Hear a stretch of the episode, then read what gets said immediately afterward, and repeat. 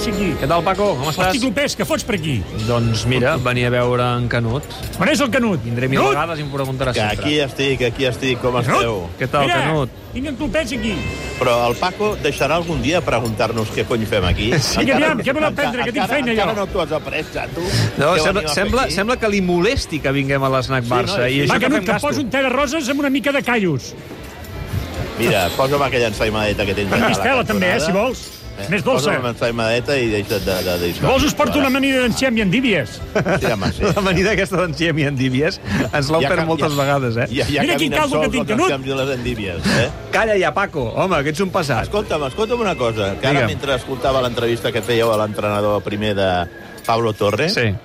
jo em preguntava, i com l'ha inscrit el, el Barça, aquest jugador? Com l'ha pogut fitxar si, si fins ara no podien fitxar? O... o, o fi- fitxar, Ui. On és el Canut? Canut? o, o, o, Ara, ara, em sembla que tenim una mica de problemes, eh? Canut, mou-te una mica ara. perquè no, no et sentim molt bé. El perdem, eh, em sembla, Paco. On és el Canut? Fem una Canut? cosa. Paco, uh, és que no, eh, passa'm el telèfon, a veure si el podem, el podem trucar per telèfon, eh? Paco, i a veure si, si podem conversar amb el Canut, perquè em sembla que, que aquest sistema que tens aquí muntat, Paco, no, no funciona massa bé. Mira, Clopés, un conyac de Carlos V tinc. No, no em donis... No, no, no m'ofereixis Carlos Quinto. Eh, Canut, ets aquí o no? No, no hi és. Mira, eh, mentre el recuperem, li pregunto al Xevi com va el partit de Rafa Nadal, si Rafa Nadal si ha començat ja, encara no, no, encara eh? no, està a punt de començar. El que sí que està en joc, ja ho sabem, és aquest Kyrgios Tsitsipas. De moment, el primer set empat a 5 jocs. Empat a 5 jocs. Uh, bé, um, recordem que Rafa Nadal, uh, de moment, ha anat superant les rondes en aquest torneig de Wimbledon i superant també, sobretot, els seus problemes al peu.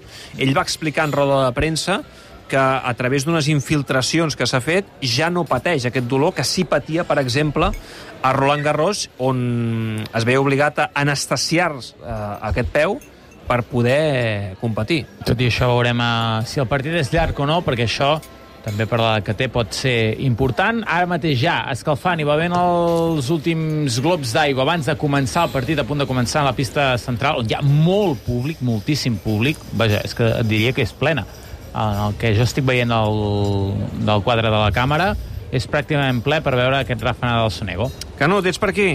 Sí, sóc per aquí. No m'he no, no anat cap a Wimbledon, cosa que ja m'agradaria ser-hi, però vaja. Ah, toco fusta, a veure si, si es eh, manté la, la comunicació. Has estat alguna vegada a Wimbledon? No mai.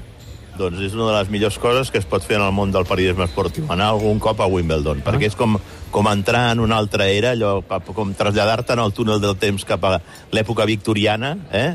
Uh, perquè jo vaig tenir l'oportunitat d'anar-hi convidat per Pau Llorenç, que va ser durant molts anys president de la Federació Espanyola i era un bon amic meu i gran barcelonista, eh, que va ser vicepresident de la Federació Internacional i ell era membre d'aquest exclusiu grup de socis de l'All England Club, d'aquests són un centenari poc de, de, de, de socis, i tenia l'oportunitat de, doncs, de disposar de- de- de- d'entrades per poder anar a Wimbledon i a sobre amb la- amb la- amb l'afegit que podies anar al, al, a la casa social on, on, on estaven els socis eh, exclusius del, de l'All England Club. I la veritat, escolta, d'entrada era obligatori anar amb americana i corbata. I era, i era escolta, d'un- d'un ja et dic, traslladar-te a una altra època, menjant aquells famosos presons amb nata i tal, i tota Sí, la sí, sí. suntuositat que hi havia, i la pista central és una meravella, una autèntica meravella. A més a més, ara han eh, construït una, ja fa unes temporades, eh, un sostre retràctil que fa que Sí. la pluja no, eh, no els hi faci la guitza i tots els partits es puguin Eh, eh, disputar. Bé, escolta'm, a veure, eh, jo No, m'interessa molt Et, et preguntava això. el tema de... Sí, volies comentar el tema de sí, Pablo sí, Torre. Sí, sí, bueno, em preguntava, clar que de moment no sé si està inscrit o no està inscrit. Però- Una cosa és que pugui anar de, de pretemporada amb el Barça i una altra cosa és que si ara hi hagués competició oficial, si aquest jugador podria jugar o no, que entenc que... imagino que no. Eh? No perquè, per, no perquè el Barça fitxar pot fitxar, una altra cosa és que no pugui inscriure eh, jugadors perquè, de fet, eh, Sergi Roberto tampoc podria jugar, no? No, no, Perquè- no, ara mateix no. doncs, doncs eh, m'imagino que eh, el Pablo Torres seria tres quarts del, del mateix, no? El que passa, Canut, que ara mateix eh, el que ens expliquen des del club, eh, avui en feien 5 cèntims, és que la segona palanca serà una realitat, que es vendrà al club el 15% extra dels drets televisius, que això suposarà uns 400 milions d'euros bruts Sí, extras, sí. a banda dels 207 que ja ha ingressat, Eh. i compta, aquesta seria la novetat important que ens traslladen des de dins del club, Sí. d'aquests 400, 200 es Anirien a destinarien a fitxatges. fitxatges. Sí, sí. Què et sembla? Bueno, que és una bona quantitat, no? És una bona quantitat. Eh, Aviam, està clar que el Barça ha de, ha de, ha de, ha de vendre actius, ha d'hipotecar actius per poder eh, fer aquesta sèrie de fitxatges. És una miqueta allò, pan para hoy, hambre para mañana, no? Però, però no té una altra manera de, de poder sortir d'aquest exocac al Barça i, per tant, ha de buscar una altra vegada aquell camí del famós cercle virtuós que va dibuixar en el 2003 la porta quan va guanyar per primera vegada les eleccions presidencials, que es tracta de fer un bon equip i que el bon equip torni a portar el Barça a la primera línia mediàtica, que això representi nous ingressos a nivells eh, a nivell publicitaris que es puguin re, reinvertir una altra vegada en reforçar l'equip i, i, i això és com, com, com el peix que es, mossega, que es mossega la cua. Si no hi ha èxits, si no hi ha títols, no hi ha ingressos, eh, sobretot per ser un equip eh, competitiu. Aquí, com que no hi ha cap eh, xeic que vingui i posi la, la, la seva cartera a disposició de, del Barça, de, de, de, de tots els diners que siguin necessaris per reforçar l'equip, doncs s'ha de fer a, a costa d'encertar amb, amb, amb, amb els fitxatges, encertar amb la gestió, tornar a guanyar títols i tornar a ser un equip punter com ho ha estat en els últims 10-15 anys, no? Mm -hmm. Um, um, la Porta també ha transcendit, està tranquil amb el tema Lewandowski, perquè ja diu, ha complert amb la seva paraula, que li va donar el jugador d'oferir 40 milions d'euros. Una altra cosa és que el Bayern doni el braç a torça per aquests 40 milions d'euros. Bueno, jo crec que el Bayern s'equivoca i s'equivocaria molt sí per aquesta quantitat, perquè no estem parlant d'una quantitat qualsevol quan es tracta d'un jugador de 34 anys i que li queda un any de contracte. Aviam, és que si fins i tot et diria eh, ha estat, ha estat eh, excessivament generós el president Laporta, el que passa que, clar, quan tu vas a un jugador com, com Lewandowski tampoc li pots anar amb bromes i a fer allò, eh, escatimar-li diners, no? Però, però mm, et diria que una of- oferta raonable serien 20 milions més variables que poguessin arribar als 40. Però 40 d'una sortida d'una atacada poden estar Uli Genes eh, i, i Oliver Kahn i Salim Isdevich de, de, i companyia ja poden estar contents perquè és, per això qualificaven fa uns dies la premsa alemanya d'una gran quantitat, una satisfactòria oferta la que havia presentat el Barça amb aquests 40 milions, perquè clar, estem parlant d'un jugador, per molt que sigui eh, Robert Lewandowski, eh, un ultragolejador dels últims anys a la Bundesliga, eh, però són 34 anys més un any que només li queda de contracte. Això vol dir que d'aquí un any aquest jugador tu el pots treure a cost zero. Per tant, donar-li ara 40 milions amb una economia molt malmesa com la del Barça eh, és un acte d'autèntica generositat del, del, del, del Barça cap al jugador i per satisfer l'enrocament, per, per desmuntar l'enrocament del Bayern de Múnich. Mm. Eh, tema Dembélé, eh, la porta creu que es quedarà, eh, perquè el veu tou, ens explicava ara el Roger Gusà. Eh, el club li ha fet aquesta oferta, que li rebaixa el sou un 40% i el situa a l'alçada d'en Sofati. I que el jugador, diuen des del club, ens expliquen des del club, vol quedar-se. Tu t'ho creus? Bueno, m'ho- puc creure, m'ho puc creure. Escolta'm, això és com, com quan eh, Ronaldo Nazario, te'n recordes? Sí. Eh, els seus representants, aquella tripleta que es deia Martins, Pita i Branchini, eh, se'l van emportar del Barça cap a l'Inter de Milà en contra, en contra de la seva voluntat.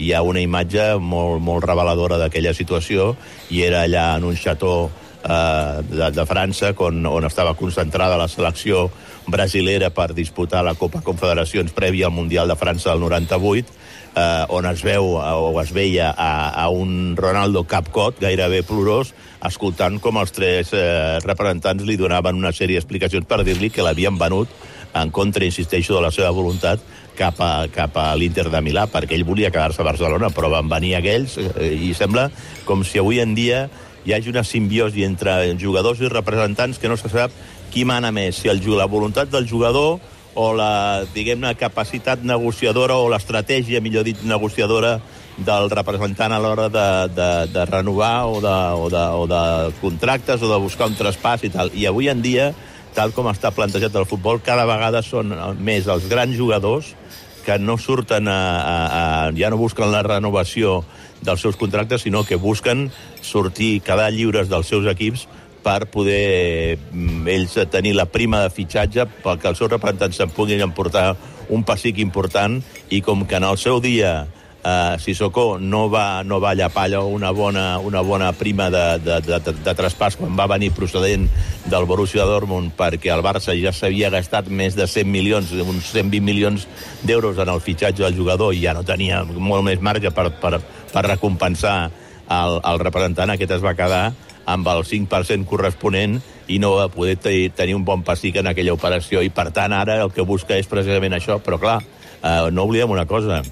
En aquests moments, un cop vençut el, el contracte, eh, en, en l'alta que se li dongui en, en, en, el, en, en, en la Lliga de Futbol Professional no comptarà com una renovació, sinó com un refitxatge, com un nou fitxatge del Barça, la continuïtat d'Ousmane Dembélé. D'aquí que el Barça li hagi rebaixat eh, un 40% la fitxa que tenia la, la temporada o les últimes temporades, que si no recordo malament era de 18 milions eh, d'euros i ara crec que l'oferta del Barça eh, és de 12, amb, que vol dir 6 milions eh, nets per temporada. Bé, veurem com acaba el tema d'Embelé. Um, sí que a mi m'ha cridat molt l'atenció que des del club expliquin que Xavi veu compatible Rafinha i Dembélé, i està bé que Xavi pugui pensar així, perquè òbviament el que vol és reforçar la temporada, la plantilla i que tingui el màxim d'efectius possibles, però sí que em sobta que, que el Barça estigui disposat, eh, malgrat s'acabi quedant Dembélé, sí, amb aquests sí. diners a caixa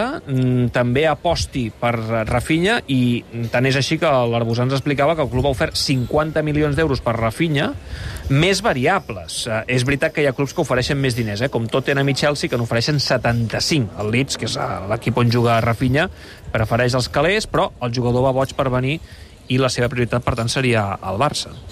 Home, aviam, eh, Rafinha semblava que venia com una alternativa de si no, no mm. tirava endavant el tema de Dembélé, no? Eh, eh, Dembélé, aviam, renovant pel Barça, eh, sempre serà més barat que els 50 milions que hagis de pagar perquè, diguem-ne, Dembélé ja està amortitzat pel, Bar pel Barça, no futbolísticament, no en quant a bon rendiment, però sí econòmicament, no? Eh, aleshores, eh, aviam, eh, el Barça, clar, anar, si, si, si, si, si té diners suficients com per pagar això, perquè primer hi han d'haver-hi els 40 de Lewandowski. De, de Lewandowski. Pel cap baix tira 50 o entre 50 i 60 de uh, Kanté, no? Del, del, del, de Condé, sí. de Condé, del jugador del, del Sevilla. Ja portem quants? Vora de 100 milions, no? Sí. Uh, després s'ha de pagar els dos, uh, els dos jugadors del Chelsea, com a mínim Marcos Alonso, i, i Azpilicueta. Azpilicueta. Azpilicueta és el que la cosa està més complicada. Per Marcos Alonso es diu que com a mínim 10 milions, ja són 110. Mm -hmm. uh, I l'arribada de Bernardo Silva, si és que el Barça se la vol plantejar, sí, seria sí, sempre la, la, i quan el Barça traspassés, òbviament, clar, a Frenkie de Jong, perquè clar. si no els números no surten. No, la, la, la, la sortida de Bernardo Silva és, és a, a canvi de poder, de poder traspassar a Frankie de Jong, amb la qual cosa et ve demostrar una cosa. Uh, Frankie de Jong és dels pocs jugadors que té el Barça en la seva plantilla, que té sí. autènticament marcat eh, en, en les millors lligues i en els millors equips europeus, mm. perquè que hagi vingut el, el, el, el Manchester United i estigui pagat, disposat a pagar entre variables i fixes, vora de 80-85 milions d'euros, per pocs altres jugadors del Barça, jo crec que per Pedri i pocs, i pocs més pagarien aquesta quantitat que paguen per l'holandès, no? Sí. Uh, uh, home, sobre el paper quedaria marge per poder fer el fitxatge de Rafinha. I aleshores tenir allò ben cobertes les dues bandes perquè tinc una miqueta la sensació com si Xavi amb, amb aquesta operació hagués perdut una miqueta la fe amb Ferran Torres tenint en compte que no va tenir un bon final de temporada no va acabar de ser aquest futbolista desequilibrant per banda que s'esperava i aleshores eh, tu sempre podries tenir l'opció de jugar en una banda amb Rafinha per l'altra Dembélé o, o en uns partits eh, un dels dos i a l'altra banda jugar en, jugar en Ferran Torres. Són diverses de les opcions que tindria el míster i també apunta un jugador que m'imagino que s'acabarà posant al mercat si s'acaben completant aquests fitxatges que és el cas de Memphis Depay, perquè només li queda un any de contracte. Molt bé, doncs eh, està mogudet eh, el tema. A mi només em preocupa que eh, el Barça, i això evidentment es filtra des de la directiva, expliqui els diners que té. Eh? Mai és un bon negoci no, explicar no, els no, diners no. que tens, perquè aleshores Mai. el, el, el que ven et dirà pues, si tu tens molts calés, si tens Home, 400 home. milions bruts, home, El- doncs el porta, que- la, el que- porta la el que- cartera. El que no pots és mai ensenyar la Ja, billetera. ja, per això. Això és l'única cosa que em fa dubte, I, però bé. i, i, i, so- I estic molt d'acord amb tu, som Sí. molt donats a ensenyar la billetera. Sí, i si ensenyem la bitlletera, doncs diran, doncs, doncs paga, perquè tens Va. calés. En fi. Sembla que baixem a segona. No, home, no, calla. Paco, no siguis pessimista.